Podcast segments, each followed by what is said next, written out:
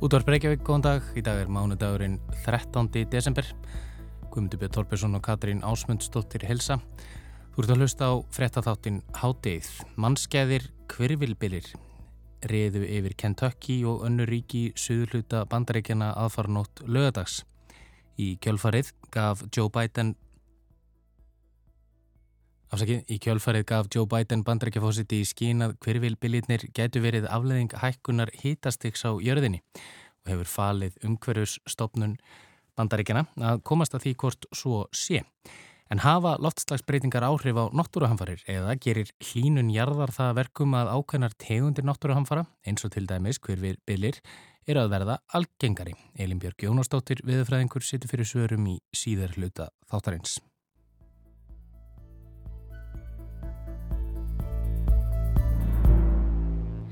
En við byrjum á náttúruhamförunum í bandaríkjunum. Óttast var að vel yfir 100 manns hefðu látist í Kentucky ríki þegar kröftur hverfylbili riðu yfir nokkra bæi í ríkinu aðfaranótt lögadags. Nú er talið að talan sé þó eitthvað lægri og þetta er eitt versta óveður í manna minnum, Guðmundubjörn tekur nú við. Now we've had tornadoes come through town before but they'd touch down and pick up, you know, couple of houses here and maybe a couple of houses on the other side of town and then they'd be gone. Never experienced anything like this in my life. Í smábænum Mayfield í suður hluta Kentucky býr þessi maður, eða ætti að segja bjó. Í viðtali við frettamann stendur hann við rústir heimilisins og segir að hverfil byljir hafi áður riðið yfir þetta svæði og ég vil tekið eins og eitt eða tvö hús með sér í leiðinni en aldrei nokkur tíman hafi hann séð neitt þessu líkt. En það hefur aldrei nokkur tíman jafn öflugur hverfylbylur eða hverfylbyljir reyðið yfir Kentucky. Upptök þeirra voru í norð-austurluta Arkansas, áður en þeir reyðið yfir Missouri, Illinois, Tennessee og að lokum Kentucky þar sem mestur skaði skeiði. Og þessi ungi maður hafði nýlega flutt til kærustunar sinnar í Mayfield. It looks like a bomb went off. I don't know how anybody could have lived. Svæðið lítur út eins og það hafi orðið fyrir sprengjuárós, sagði hann, og það kemur óvart að einhver hafi lifað þetta af.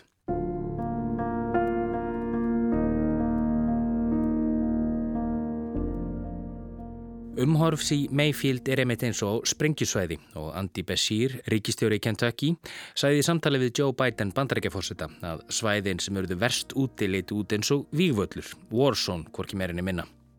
Að minnstakosti 80 manns hafa fundist látin í Kentucky og 14 manns í öðrum ríkjum og sagði ríkistjórin í samtali við fréttastofu CBS í gær að tala látina eigi eftir að fara yfir 100, hið minnsta. It's a, a tough morning.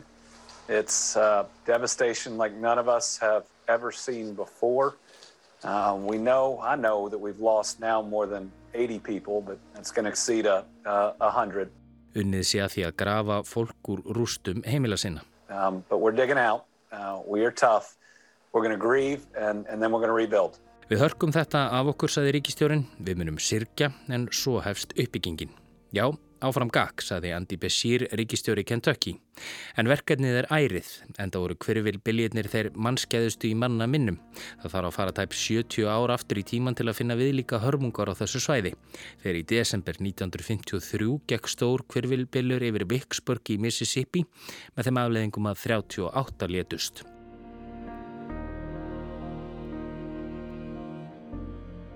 Hafi yfir hundrað látist eins og ríkistjórin óttast er þetta mannskeiðasti hvervilbilir á heimsvísu síðan í mæ 2011. Þegar hvervilbiljir í miðvestur og söðuríkjum bandaríkjana lögðu 158 manns í gröfina, þúsund slösuðust.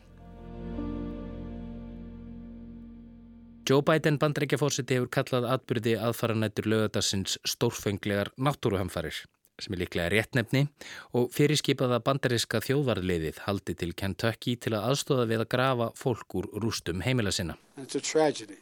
It's a tragedy. And we still don't know how many lives are lost or the full extent of the damage. But I want to emphasize what I told all the governors. The federal government will do everything, everything it can possibly do to help. Hann bætti því við að þetta væri harmleikur og að stjórnvöld myndi gera allt sem í þeirra valdi stæði til að aðstóða ríkistjórnina í Kentucky og íbúa þeirra bæja sem eruðu verst úti.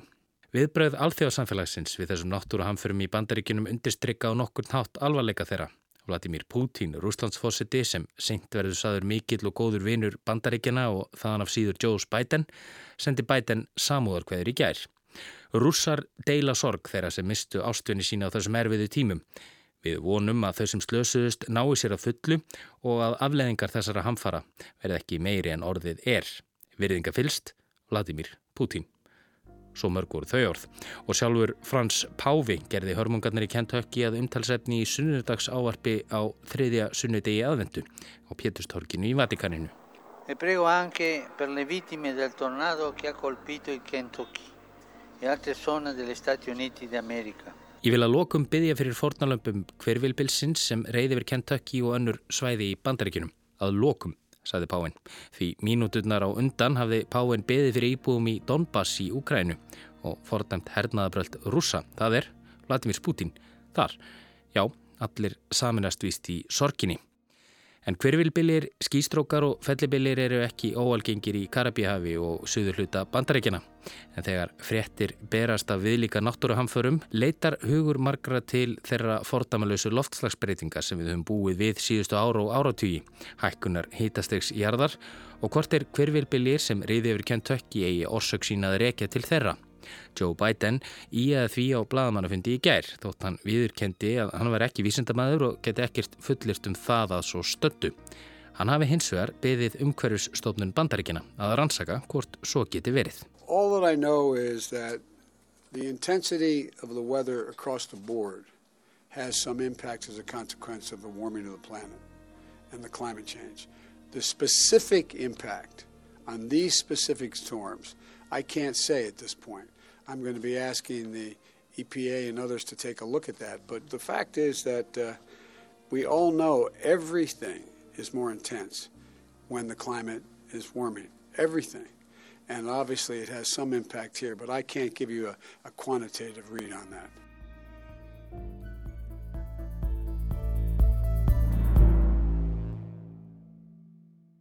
Nú höldum við áfram að fjalla um þessar náttúruhamfærar sem áttu sér stað í bandaríkjunum að fara nótt lögadags. Eh, við greindum frá þessu í fyrirluta þáttar eins að það hefði, já, óttast værið yfir hundra manns hefðu látist þegar að hverju biljir riðu yfir um, að suðvesturluta Kentucky. Eh, þær fregnir hafa nú verið dregnir aðeins tilbaka og svo veriðist sem að, já, færri hafi látist sem eru góða frettir. Við heyrðum í Joe Biden bandarækjafósita hér eh, í fyrir hluta þáttarins það sem að hann svona í aða því að þessar, já, þessar náttúru hamfarir gætu verið af völdum loftslagsbreytinga. Við skulum hlýða aftur á hvað Joe Biden sagði. All that I know is that the intensity of the weather across the board has some impacts as a consequence of the warming of the planet and the climate change. The specific impact on these specific storms, I can't say at this point. I'm going to be asking the EPA and others to take a look at that. But the fact is that uh, we all know everything is more intense when the climate is warming. Everything. And obviously it has some impact here, but I can't give you a, a quantitative read on that. Hér heyru við í Joe Biden og eins og heyra má á því sem hann sagði að þá náttúrulega, já, er hann ekki vísindamæður, hún er sest hjá okkur Neilin Björg Jónastóttir viðfræðingur, velkomin Neilin. Takk. Eh, við ætlum að beða þig um að, já, ræða þetta þessi við okkur hérna á eftir um já, hvort að og hvernig náttúruhamfarir geta verið nátengdar loftslagsbreytingum en við skulum byrja þess að bara útskýra þetta fyrirbæri, hverjuvilbillur hvað, hvað er hverjuvilbillur? Um, hverjuvilbillur er það svona það sem að er talað um sem tornado eða twister jafnvel, á, á ennsku og þetta er í raun og veru bara svona litli ranar sem að koma úr uh, stórum svona skúraskýjum og geta snúist alveg svakalega hratt. Og þeir mynda mjög mikið um, sóg vegna þess að loftrýsningun inn í þessum rönum er svo lár. Að það myndast í raun og veru bara svona eins og halfgerð ryggsuga sem fer mjög hratt sem streyfist með hreyfingu stormsinn sem að býra hann til. og, og svo erður vindurinn í þessum, þessari ringækju sem að myndast þarna, ringæðu verður ofsalega kvass þannig að eðileggingin hún kemur til af sko bæði því að, að þetta er svona lítið fyrirbæri sem snýst og líka vegna þess að vindurinn í veggjónum er mjög hraður og svo líka út af hreyfingunni sem, sem er yfirleitt úr söðri til norðurs eða söð vestri til norðausturs. Einmitt, og við Íslíkar náttúrulega þekkjum ekki þessi fyrirbær og skeitum þar alveg kannski hugtökum oft saman eh, og það eru stundu talað um fellibili þegar við hefum að tala um hverju bili, hver, hver er til munun á þessu tvennu? Já, fellibilinir eru miklu meira eins og læðir, þeir myndast alltaf yfir hafi og eiginlega eiðileggjast um leið að þeir koma inn á land. Einmitt. Miklu stærri hérna miklu stærri fyrirbæri en til dæmis geta verið sko hverjulbilir í veggjum fellibilja. Mm. Það er til dæmis mjög þægt á Indlandi þar sem að verða yfirleitt verst fellibilir Já. heims að þá er eðileggingin oft mjög mikil vegna þess að það myndast bæði sko bara aftaka viður út af fellibilnum og svo myndast þessar litlu yður í veggjónum af fellibilunum sem eru þá hverjulvindar. En hvers vegna, hvers vegna eru þessi fyrirbæri svona algeng á þessu svæði, þannig í Suðurluta bandaríkjana og í, í Karabíska hafinu? Við erum alltaf að sjá frettir af svona náttúruhamförum. Já, sko fellibilir eru svo, svo algengir þarna út af því að sjórin er svo hlýr og þar spila Mexico Flow í sérstaklega mjög stórt hlutverka því hann er mjög heitur og fellibilir myndast ekki nema sko yfirborðsiti sjáar sjórin 22,5 gráða.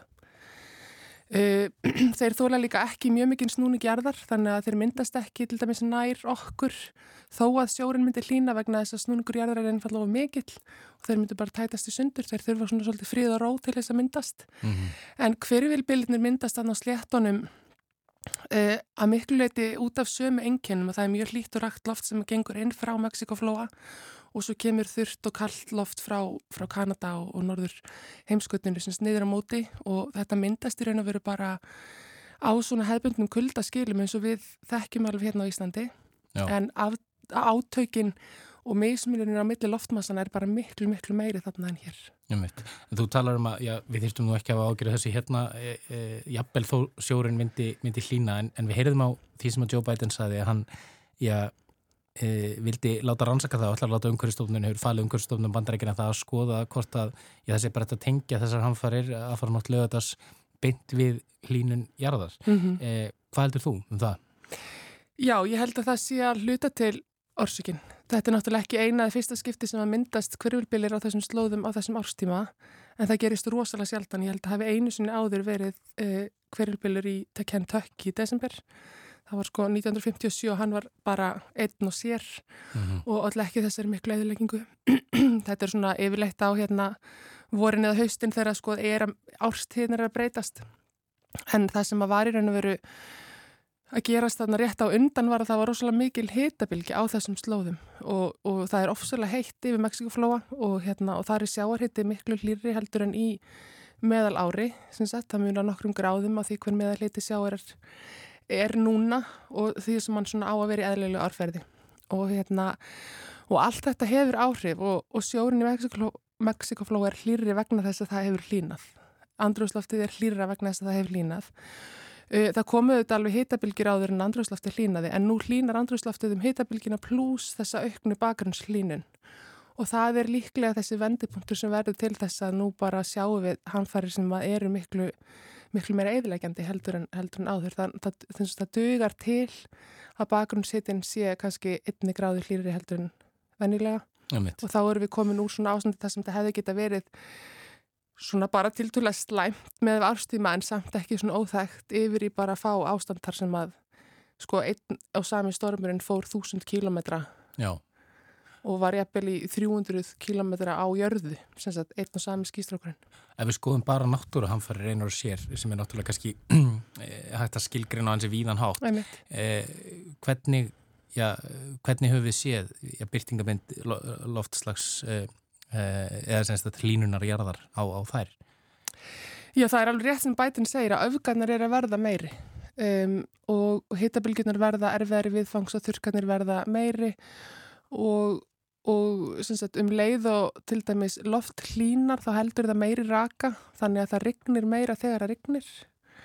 E, og, og það er til dæmis eitthvað sem við búumst við á Íslandi, það er í sviðsmyndunum fyrir Ísland að það verður raun og veru meiri úrkoma á Íslandi og jáfnvel meiri aftaka úrkoma, meiri úrkoma stuttum tíma vegna þess að það talaðum að það hlýnir kannski um, eða hlýnir um eina græðu þá getur við, getur við fengið kannski 3% meiri regningu mm. sem getur alveg verið mjög mikið þetta kerfin okkar til dæmis er ekki hönnið fyrir það Já. og aðstæðan þarna í Suðuríkinn bandarækinn er svo að þarna er, er við bæði að horfa á sko það eru verri veður á svona óvennilegum árstíma og svo líka er bara minnstrið alltaf þessum stóru hverjulindum er svolítið að færast til þannig að það er að neikast yfir kannski hluta bandaríkjana sem er ekki undibúin já, já. og þá getur við verið komið með sko miklu meiri svona skemdarmátt vegna þess að bara aðlugna hefni samfélagsins er miklu verri. Já og þetta náttúrulega gerist út um, út um allan heim í mismunandi. Já og bara fellibilir hafa orðið sko alveg gríðarlega núna til dæmis á Kirrahafi og yfir, yfir hérna eigjar þar og, og, og svo auðvitað í, hérna Bengalflóa sem fer sérna yfir Indland og Bangladesh. Já. En hvernig, hvernig sko við sjáum þetta er flóð og þurkar og hverjubilir eins og nefnir eh, eh, hvað með til dæmis eins og, eins og bráðnun jökla væri, væri það eitthvað sem á einhverjum tímapunkti getur flokkast undir náttúruhamfarir út af þá einhvers konar katastrófiskum afleðingum sem það myndi hafa? Já, það myndi alveg gera það. Um, bara hér á landi þá höfum við til dæmis miklar áhyggjur af auknum skriðiföllum úr óstöðugum hlýðum þegar jöklanir hopa. Þá er ekki lengur skriðjökull til dæmis sem heldur við óstöðugar hlýðar og, og það er eitthvað sem við að fara, erum að fara að rannsaka betur hér á landi. Og þetta gerist allstað, þetta gerist í Ölbónum, þetta gerist í Himmelæfjöldunum og, og svo eru auðvitað bara um, miklar hamfærir ef að vasku búskapur jarðar á stórum svæðum fer úr skorðum. Og það getur alveg gerst bara ef að jöklanir brána það verður ekkit eftir.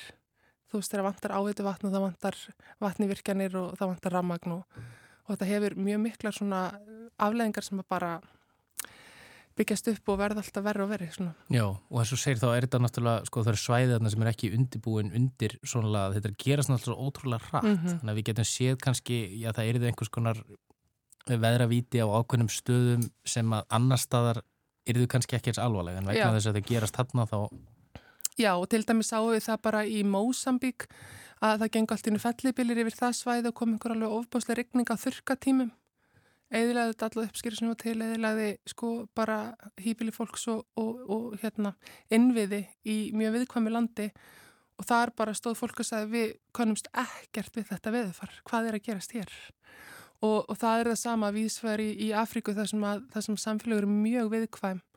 Að það er til dæmis að hafa þurkatímar nekast eða, eða lengst jafnvel þannig að svo litla regning sem að hérna, þau eru vöna að fá kemur ekki og mér skilst að uh, hungursneið um, uh, á hérna Madagaskar sé sagt í raun og veru beinteint við það að það hefur bara ekki ringt í mörg ár, það hefur bara ekki ringt í fjögur ár, þannig að þurka tíminn hann bara nær yfir hvert regntímbil að fætir öðru mm -hmm. og það er auðvitað náttúruhanfarir. Já, hverjir eru svona helstu, já, svona þessar veðfæslu öfgar sem við getum séð hér á landi framheldur sem horfir sem við auðvitað vonum ekki þú nefndir á þann að rigning geti aukist. Mm -hmm. er eitthvað annað?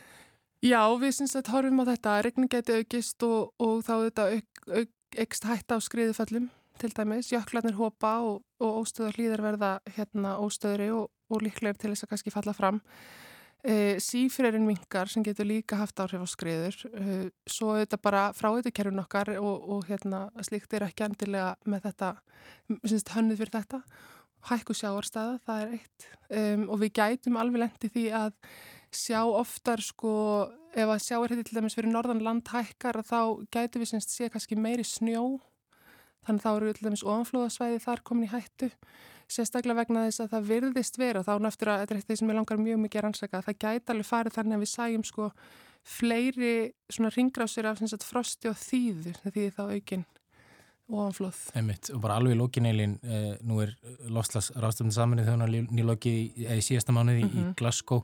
Eh, er, er þú og þínu kollegar, eru þið, er þið bjart sín eða svart sín eftir þessa ráðstöfni? Sko við erum bjart sín, að, svo ég tali fyrir mig, ég er bjart sín, ég er bjart sín á að, að það sé, það er eitthvað svona momentum, það er eitthvað, eitthvað í gangi núna, einhver skriðungi sem að fóra af stað fyrir nokkrum árum og þetta er orðið svo miklu viðteknara og mér finnst allir geirarnir vera farnir að hugsa út í þetta. Eh, en við þurfum að fara að reyfa okkur miklu hraðar en við höfum gert og það má kannski brína það fyrir þeim sem að, sem að vinna þessum málum að það þarf að gera þetta hratt af því að nú eru þessar breytingar að gerast mjög hratt og við þurfum að breyðast hratt við.